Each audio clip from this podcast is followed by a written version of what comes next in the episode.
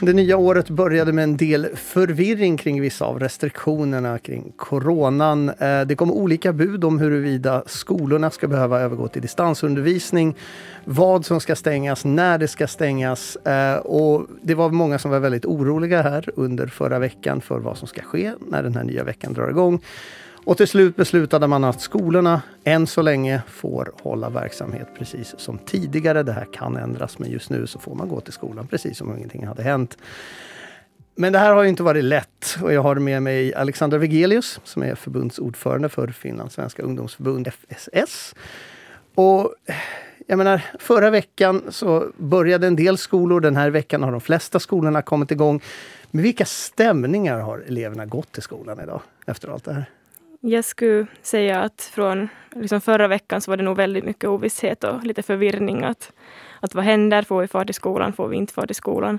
Och det är ju både från elevperspektiv och helt klart lärarperspektiv och som har förberett vårterminen inför de gick på jullov. Men jag tror nu den här veckan då man fick fart på närundervisning och man fick fart till skolorna så är det nog väldigt många som är tacksamma över det.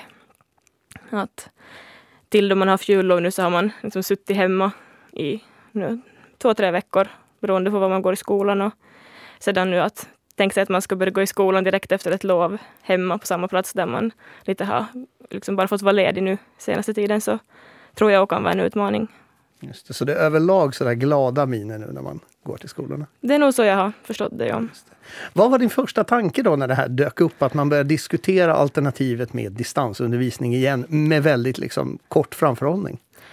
Uh, min första tanke var nog helt klart liksom, oj nej, Just bara för att vi har sett vilka på något vis följder som distansundervisningen hade förra året. Tänker man nu på dem som är till exempel sista året på andra stadiet eller går på nian så har hela deras tid i det stadiet de är nu princip varit med coronan inbäddad alla år och att det, det är nog bara, vi har nog bara helt enkelt liksom konstaterat att närundervisning är det som funkar både för motivation och inlärning och, och såklart välmående och med tanke på hur stor social del av ungas liv skolan är. Mm. Det här beslutet, och jag, jag uppfattar det som att du i alla fall tyckte att det var positivt att, att det här så att säga, inte togs något beslut om, om vi säger så. Jo, absolut. Men det kom ju som sagt ganska sent och det, det kommer väldigt kort varsel.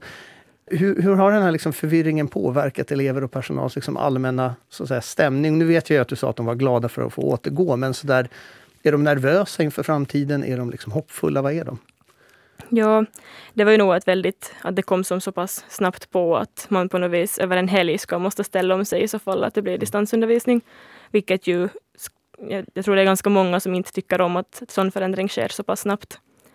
Men det är klart att vi, det känns som att hela pandemin gällande skolor och hobbyverksamhet och liksom allt som berör unga så har man liksom gett, man har liksom byggt upp hoppet och sen har det kommit värre coronakris igen så man har liksom stängt ner och sedan har man kanske igen lite börjat bygga upp hoppet och man har sagt att men håll ut lite till sedan så sen blir det bra. Att man har levt i en sån här ovisshet kring, kring allt egentligen och så här man sett att framtidstron och blir lite så här kanske att man inte helt tror på det. Men hur, hur är liksom vad ska man säga, hur är sinnesstämningen när det gäller inställningen till hela coronastrategin? Att är man liksom arg på den nu? Är man uppgiven? Eller? Jag tror nog kanske man är mest uppgiven.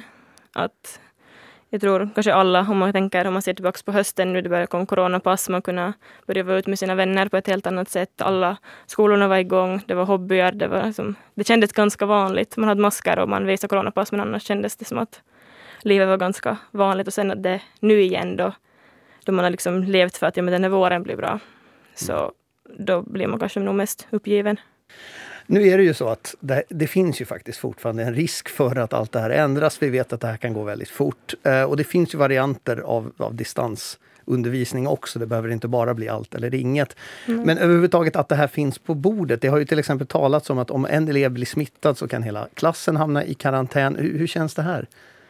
Det är nog en sån här, det känns som att kommunikationen är ganska oklar och har varit just kring sånt. Att vad är det som gäller egentligen? Vad händer om någon blir sjuk? Och det har ju varit på tapeten ifall man skulle ha coronatest nu i skolorna och, och så vidare. Så att det känns som att det borde komma väldigt tydliga riktlinjer vad det är som gäller. Uh, och sen Gör igen, inte det nu menar du alltså?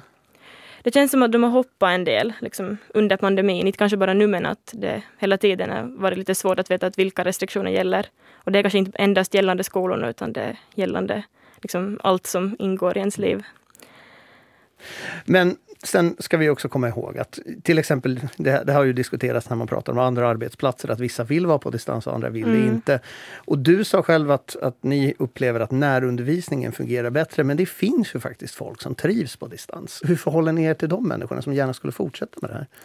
Jo, det är klart och det är ju, det är ju kanske en sån grej som mer handlar om hur man lär sig. Att det är mm. väldigt många som kanske trivs bättre att få sitt för sig själva och att kunna få på det sättet bara få jobb i lugn och ro utan att ha en massa andra element som stör. Mm. Och sen finns det de som trivs jättebra med just att man kan lite rycka sin bordskompis och vara så att hej, hur gjorde du den här uppgiften? Och det är ju såklart någonting som man i så fall kanske också borde införa mer i skolorna. Att på andra stadier finns det jättemånga som har sådana tysta rum dit man, dit man får gå och sitta där liksom policyn att alla, alla är tysta och det finns liksom väggar mellan borden och att man på det sättet får den där som så här, sitt för sig själv helt enkelt. Nå, en av anledningarna till att vi överhuvudtaget sitter här och pratar med dig nu Alexandra om det här är ju att det har kommit studie efter studie och det har pratats om det i medierna och det har pratats om det på olika seminarier. Att den här pandemin påverkar oss alla men den påverkar unga väldigt, väldigt hårt på grund av en mängd saker. Allt från det här att de förlorar flera år av sina ungdomsår till att de inte har möjlighet att göra saker som de vill. Så distansundervisningen uteblir nu till exempel, men hobby och fritidsverksamheterna är ju i allra högsta grad i fara just nu. Hur påverkar det här de unga, att de får en sån här splittrad vardag? Jag menar, räcker det skolan ens för att liksom hålla igång den där sociala biten? Jag, jag skulle säga att just om man kollar på det från ett socialt perspektiv så är skolan och hobbyerna två skilda saker. Att skolan är, där är liksom alla och där bygger man upp ett socialt nätverk utifrån. Liksom de som finns där, det man har gemensamt, så är skolan. Just det. Medans hobbyer så har man ju förhoppningsvis valt själv. Och där är ju liksom en helt annan gemenskap då för att man alla är där för att man på något vis brinner för samma sak. Mm. Att vare sig det då är fotboll eller om det är någon ungdomsorganisation eller vad det än är. Så att på det viset så tror jag nog det påverkar väldigt mycket och många som har hållit på just med någon sport eller någon annan typ av hobby väldigt, väldigt länge så blir det ju som en del av ens identitet och någonting som är en väldigt stor del av en själv. Så att faller det bort så kan det nog bli tufft. Mm. Vad är vikten av den här hobbyverksamheten? Då? Om, om du får utveckla det lite mer. Jag tycker absolut att det är en jättestor vikt, speciellt i ung ålder, att man har en hobby och att man har, att man just som, det, det blir en gemenskap och man känner att man hör, hör till grupper och, och på det sättet så att det är nog, jag tycker nog absolut att man ska hålla i det så länge som möjligt, att man får ha hobbyer och att man får komma ut och man får, man lär ju ofta känna nya människor, vare sig det då är evenemang eller det matcher eller vad det än är så så får man ju som hela tiden lära känna nya människor på det sättet och utvecklas. Just det, men borde man då kanske fundera på att hålla igång hobbyverksamheten också på samma sätt som man är väldigt så försiktig med att ta tag i, då i, i skolan och det här Just det här som du säger att det blir en del av ens identitet. Det finns folk som säger att, att de går på sin hobby för att lindra den här ångesten. Är det så att man liksom, politikerna borde fokusera mer på den aspekten? Att det är också en del av den här mentala hälsan? Absolut, absolut. Jag tycker att man ska bo då det gäller liksom, vare sig det gäller skolan eller hobbyer, då det kommer till liksom barn och unga så ska man på något vis se på dem med samma försiktighet som man nu ser på skolan. Mm. Just det. Hur, hur ska man säga då, hur mår unga nu så här? Det är två år in i den här coronadimman. Eh, eh, har det ändrats någonting eller är det ett konstant low bara? Eller har det någonting blivit bättre?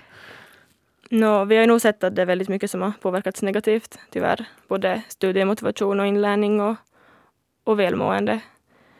Och det är väl kanske mer att, nu ser man just på den här ovissheten som har funnits, som såklart skapar ofantligt mycket mer stress utöver liksom ett vanligt år, om det liksom, man hela tiden vet att vi får gå i skolan. Så hade det kanske mer varit att det gått lite som en berg dalbana, att man har liksom just byggt upp hoppet, det blir bra, det blir bra, vi får ha till exempel äldstest på gymnasiet eller vi kan ha penkis. Och sedan någon vecka före så hade det varit så att nej, vi kan inte. Att det på något vis, det är ju väldigt många delar av, eller av ens liv som på något vis på det sättet faller bort som man mm. önskar skulle ha funnits. Och det tror jag, just om man pratar om välbefinnande överlag så är det ju jättemycket som väger in där. Att det kan nog vara jättetungt för många att sitta hemma om liksom alla syskon och föräldrar och alla är liksom hemma och jobbar distans. Att man på något sätt är som så in på varandra där hela tiden. Om, om du skulle kunna ge lite exempel på vad det här, så att säga, vad problemen är, om man bortser från det här då att man har byggt upp hoppet och får det grusat, det kan man kanske relatera till. Men vad är det annat som händer? Hur mår alltså folk på riktigt om du skulle beskriva det lite mer detaljerat? Mm. Det är nog väldigt många som man har förstått har väldigt mycket ångest, speciellt kring framtiden och kring och sen att kanske inte skolan går lika bra som den har gjort tidigare. Att man, och då tappar man förstås motivationen där och sen så går det lite så här neråt i ett enda hål. Sen är det jättemånga som man har konstaterat är jätteensamma vilket ju kan bli farligt. Alltså ensamma i skolarbetet eller ensamma i sig själva, eller hur, hur menar du? Men egentligen kanske på båda sätten. Att speciellt då man har pratat om distansundervisningen så hamnar man nog väldigt ensam i sitt arbete. För det är nog väldigt stort steg att på ett Zoom-samtal med hela klassen på något vis räcka upp handen och säga att jag förstår nu inte vad vi håller på med om ingen annan gör det. Till skillnad från att man just sitter i ett klassrum och kan lite knycka på sin bordsgranne och fråga eller om man har någon lärare som kanske går runt och kollar hur det går. Mm. Så att... Men när du nämnde till exempel ångest, är det, är det liksom ångest för att man är rädd för att man inte fixar de omedelbara skoluppgifterna? Eller är man rädd liksom på ett längre perspektiv för att man kommer att, att jag menar, behöva gå om klasser? Eller nu, nu överdriver jag, men så att hur, hurdan är ångesten? Jag skulle säga att den, den väldigt långt det är såklart jätteindividuellt. Det mm. kan man ju inte säga så här att det är enligt en viss modell. Men, men det är väl nog kanske just med det att jag vet att det är jättemånga som har varit jättestressade över studentskrivningarna. Att det var just att det har varit lite så här att kan man skriva om man, eller vad händer om man känner sig sjuk liksom på morgonen? Vad händer om man råkar bli sjuk för en studentskrivning? Måste man då gå om? Att det, det är ju väldigt mycket sådana tankar. Mm. Och sen förstås med de som går yrkesinriktad utbildning så är det ju praktikerna som på något vis det tär på att man, det finns jättemånga nu som nästan har gått två år i skolan och inte kunnat haft i princip någon praktik. Och så vidare. Så att det är nog kanske mer en sån här kortsiktigt långsiktig på något vis ångest mm. över allt och sådär. Hur är det med förståelsen för varför det här görs? För att i början av den här pandemin när den drog igång så drog ju i princip hela samhället igång och folk knorrade kanske lite men man förstod ändå riktigt var det var på väg. Nu har det börjat bli mer och mer splittrade åsikter bland de vuxna. Men hur ställer sig unga till den här strategin nu och det här att de igen då som du sa, de får upp hoppet och sen grusas det mm. sen det här cykeln igen? Jag tror kanske det var främst just då man börjar, eller då man börjar känna att man, man har vaccin och man, man är liksom alla har, eller väldigt stor del av befolkningen nu börjar vara dubbelvaccinerad och att det på det sättet kanske därför börjar kännas lite surt. Ja, jag kan ju fråga dig, jag pratar om de unga i citattecken ja. som det vore någon mystisk enhet. Du är också ung. Ja. Hur, hur, känner du själv? Nu har man väl själv kanske just upplevt att man har kunnat i år nu planera grejer att faktiskt som kunna ha ett någorlunda normalt verksamhetsår och kunna faktiskt vara ute i skolor och träffa liksom mer och skapa en ännu bättre relation till skolorna och deras elever och studerande såklart. Mm. Medan det då istället nu igen och blir så att vi får börja puff på våra evenemang och att man som... Det är klart, det, det, det tar ju på alla. Att man, man tänker att det ska bli på ett visst sätt och sen får man ganska snabbt i så här hit, man måste hela tiden ha en plan B, att vad gör vi om coronan ställer till det? Ja, men vi ska ta och gå in på det här mörkaste mörka då. kanske lite spekulativt, men om man nu skulle ta worst case scenario. Det blir en ny repris på en sån här fullständig lockdown. Allting är liksom tillbaka till det absolut värsta man kan tänka sig. Vad kommer det behövas för unga sen när det här är slut? Liksom, om man tänker framtidsmässigt. Vad är, det, vad är det för stöd de kommer att behöva? Både resursmässigt kanske under pandemin, men även efteråt och hälsomässigt. Jag tror absolut det kommer att krävas väldigt mycket mer psykologtjänster i framtiden. Eller det behövs liksom mer psykologtjänster nu. Mm. Men det kommer och det är liksom inte någonting som kommer till ta slut utan det kommer ständigt behövas mer sådana typer av stödtjänster. Sen kollar man utbildningsmässigt så tror jag absolut att speciallärare har en jättestor inverkan så här nu i kommande, kommande åren. Hur menar du inverkan? Eller just att man, man har mer elever har vi sett som som på något vis tycker det är jättesvårt att man har varit på distans, man har inte hängt med på samma sätt som man annars kanske skulle ha gjort, eller som man har märkt att man gjort tidigare år. Och att man då kanske behöver lite mer stöd och hjälp i sin utbildning. Och jag tror det nog liksom, man behöver överlag ett väldigt mycket större, bredare liksom så här, mm. nätverk av person. Det, det handlar nog väldigt långt om människoresurser. Skulle jag säga sist och slutligen. Inför perspektivet att då behöva stå inför en stor lockdown och med liksom alla de här förvirringarna som finns runt. Hur, hur påverkar det dig? Du jobbar ändå så att säga för Finlands svenska ungdomsförbund och ska på något sätt jag vet hålla någon slags så här modet uppe mm. bland alla andra. Ja, alltså det är klart det påverkar så här på, på ett personligt plan. Och mm. Att bara nu tanken på att när jag bor på 25 kvadrat, att tänka att man ska måste sitta där för sig själv så är ju nog ganska så här någon form av så här horror-image. Men eh, sen igen så tror jag att liksom har man ett sånt nätverk runt sig så, att, så orkar man nog. Tack så mycket Alexandra Vigelius för att du var med här i Nyhetspodden. Tack för att jag fick vara här. Du har lyssnat på Nyhetspodden. Fortsätt gärna lyssna på oss i framtiden också.